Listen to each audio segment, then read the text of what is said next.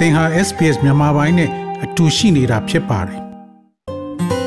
SBS မြန်မာပိုင်းကို အင်ကာနဲ့စနေနေ့ည10:00နာရီမှနားဆင်နိုင်တယ်လို့အွန်လိုင်းကနေလည်းအချိန်မီနားဆင်နိုင်ပါပြီ။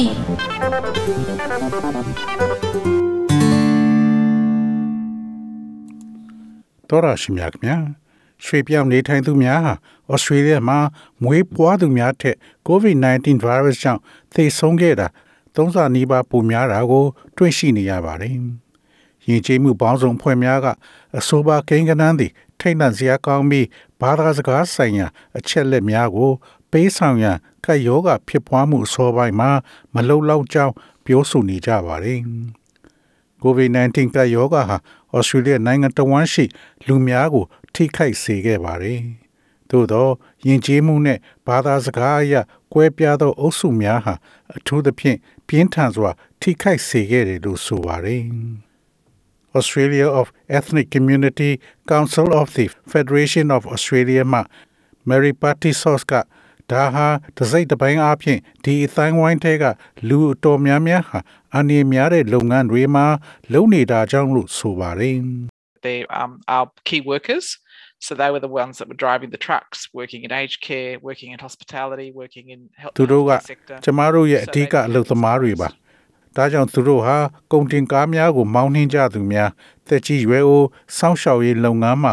လှုပ်ဆောင်သူများအဝတ်ပြုခြင်းအလုပ်များကျန်းမာရေးစောင့်ရှောက်မှုကဏ္ဍတွင်လုပ်ကင်ကြသူများဖြစ်ပါတယ်ဒါကြောင့်သူတို့ကိုယောဂပိုးနဲ့ပိုပြီးထိတွေ့စေပါတယ် Australia Bureau of Statistics ABS မှ COVID-19 နဲ့သေဆုံးမှု data ကို ခွဲခြမ်းစိတ်ဖြာခြင်းဖြင့်ကပ်ရောဂါကာလအတွင်း၎င်းတို့မိကဲ့သို့ထိတွေ့ခဲ့သည်ကိုဖော်ပြခဲ့ပါတယ်။နိုင်ငံရခြားတွင် မွေးဖွားသူများသည် Australia တွင်မွေးဖွားသူများထက် virus ကြောင့်သေဆုံးနိုင်ခြေသုံးဆနီးပါးပိုများတာကို တွေ့နေရပါတယ်။ အရှိလဲပိုင်းဒေသတွင်မွေးဖွားသူများသည်သေဆုံးမှုနှုန်းအမြင့်ဆုံးဖြစ်ပြီးအနောက်တောင်ဥရောပတွင် မွေးဖွားသူများက နောက်ကနေလိုက်ပါလာနေပါတယ်။ဗြိတိန်နှင့်အာလန်တွင် မွေးဖွားသူများသည်ဩစတြေးလျတွင် မွေးဖွားသူများနှင့်လာတူသေဆုံးနှုန်းများရှိနေပါတယ်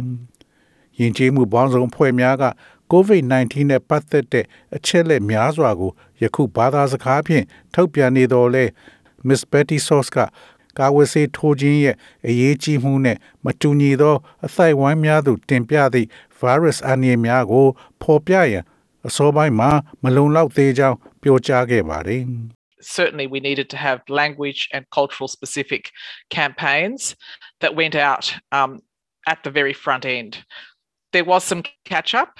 but sometimes, well, တေချာတာကတော့ကျမတို့ရှေ့ဆုံးမှာထွက်လာတဲ့ဘာသာစကားနဲ့ယဉ်ကျေးမှုဆိုင်ရာ တေချာလှုပ်ရှားမှုတွေရှိဖို့လိုအပ်ပါတယ်။မိအောင်သွားမှုတချို့ရှိခဲ့ပေမဲ့ထင်ရှားတာကတော့မိအောင်သွားတာက မလုံလောက်ဘူးဆိုတာက ထင်ရှားနေပါတယ်။ပြီးတော့ကျမတို့မှာမြင်မာတဲ့သေဆုံးမှုနှုန်းတွေနဲ့အဆုံးသတ်ခဲ့ပြီးအဲ့ဓာတွေက မရှိသင့်ပါဘူး။နိုင်ငံရဲ့ဆေးဘက်ဆိုင်ရာအရာရှိပေါမောက္ခပေါ်ကယ်လီကဆန်နစ်ခမန်းချက်မှာပြောဆိုရာတွင်ကြားသိရသည်မှာကိန်းဂဏများသည် ကုဆက်ယောဂအပြင်းထန်ဆုံးနေရာကို ထင်ဟပ်စေတယ်လို့ဆိုပါတယ်။ We know all along there have been particular issues in, in, in culturally and linguistically diverse communities. If you cast your mind back to the Delta outbreak in in Sydney last year, Southwest Sydney was ယဉ်ကျေးမှုအရာနဲ့ဘာသာစကားအရကွဲပြားသောအသိုက်ဝိုင်းများမှာအထူးပြဿနာများရှိခဲ့တာကိုကျွန်ုပ်တို့သိပါတယ်။မနစ်ကဆစ်ဒနီမှာဖြစ်ပွားခဲ့တဲ့ Delta ဖြစ်ပွားခြင်းကို ပြန်ကြည့်မယ်ဆိုရင်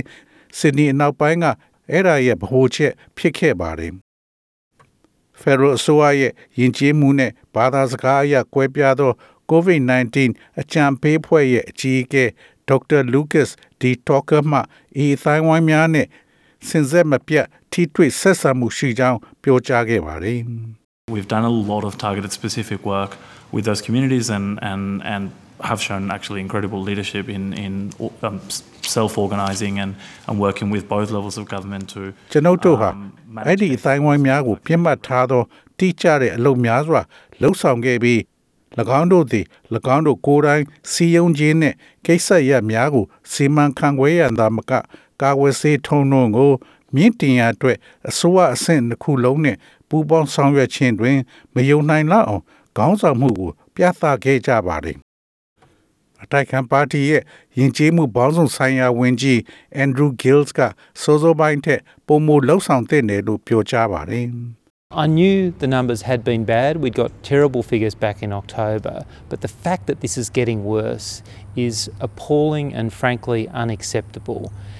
And it's also an indictment on the Morrison government because time and time again. အောက်တိုဘာလမှာ failed to ကင်ကနန်းတွေက listen to မကောင်းမှန်းသိပေမဲ့ including their ဒါက own ပိုဆိုးလာတာက called ကြောက်စရာကောင်းပြီး advisory ဖွင့်ပွင့်လင်းလင်းလက်ခံနိုင်စရာမရှိပါဘူး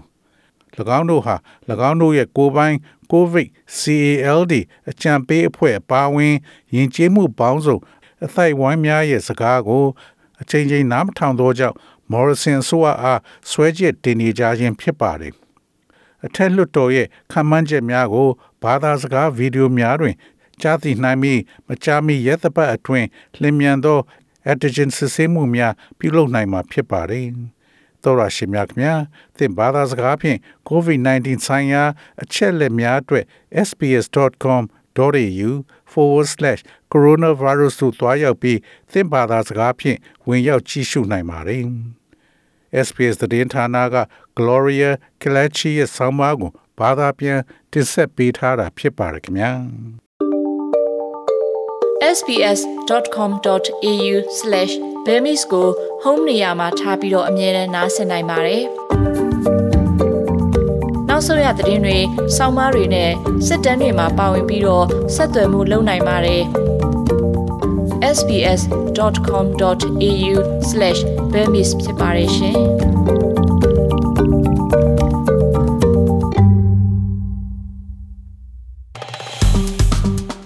SBS မြန်မာပိုင်းကို Facebook ပေါ်မှာ like ရှာပြီး like မျှဝေမှတ်ချက်ပေးပါ